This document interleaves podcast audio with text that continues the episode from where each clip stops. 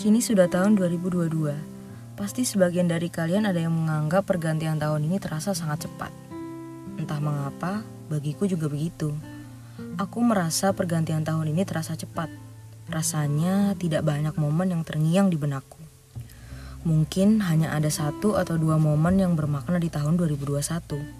Mengapa ya? Mengapa tahun ini terasa sangat cepat?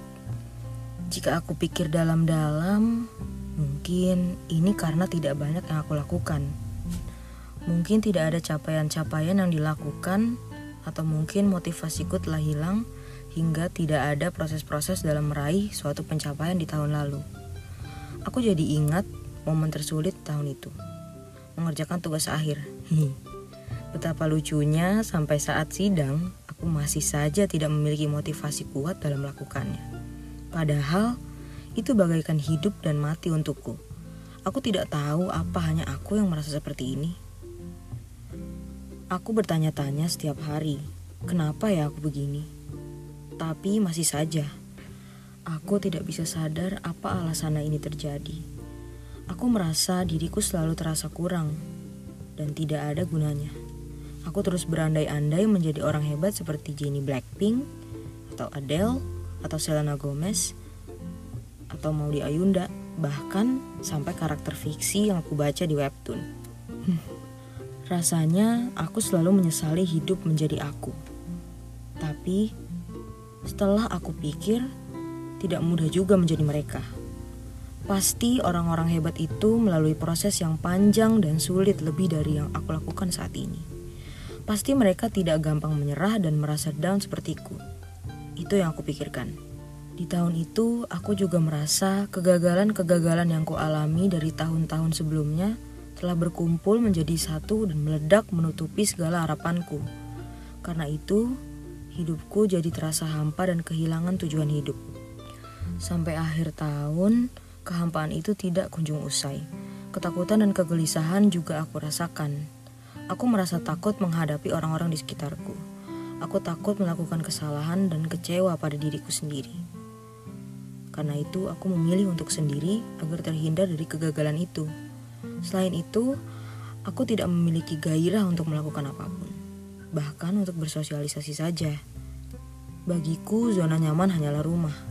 Setelah lulus kuliah, aku menghabiskan waktu untuk membuat konten dan membersihkan rumah karena kebetulan rumahku sudah sangat kotor dan banyak barang-barang yang harus dievaluasi lagi kegunaannya.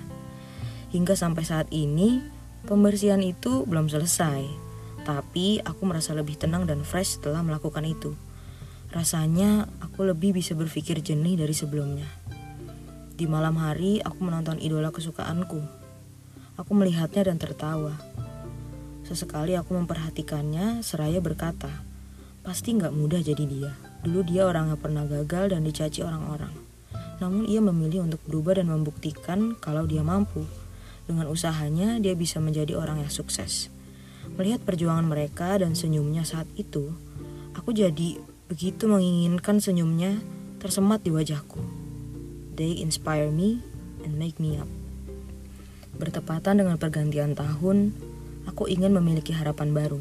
Meskipun bagiku pergantian tahun seperti ini hanya perayaan saja, tapi aku ingin memaknainya sebagai lembaran baru memulai hidupku. Pernah suatu kali aku membaca quote di Instagram. Forget all the reason it won't work and believe in the one reason it will.